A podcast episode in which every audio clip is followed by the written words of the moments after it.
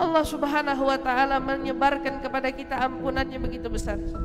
Gak terhingga dan berapa besarnya dosa kita gak peduli.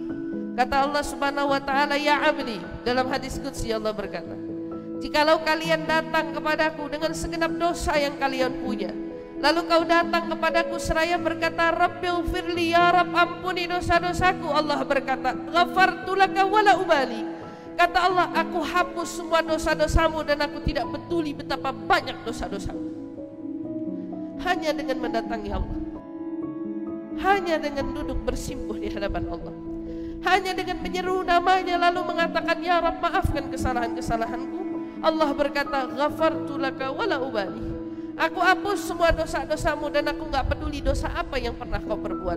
Illa wahid. Kecuali dosa yang Allah Subhanahu wa taala begitu peduli.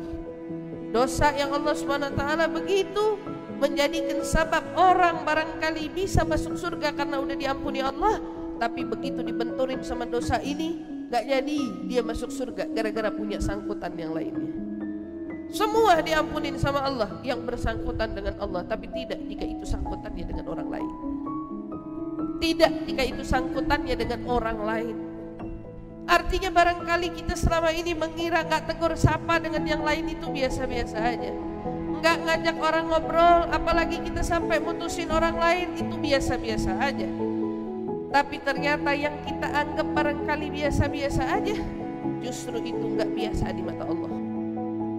Ini bulannya saling memaaf-maafan. Ini bulannya kita saling menyiapkan diri. Bulannya kita meminta ampun kepada Allah dan membenahi urusan kita kepada sesama makhluk.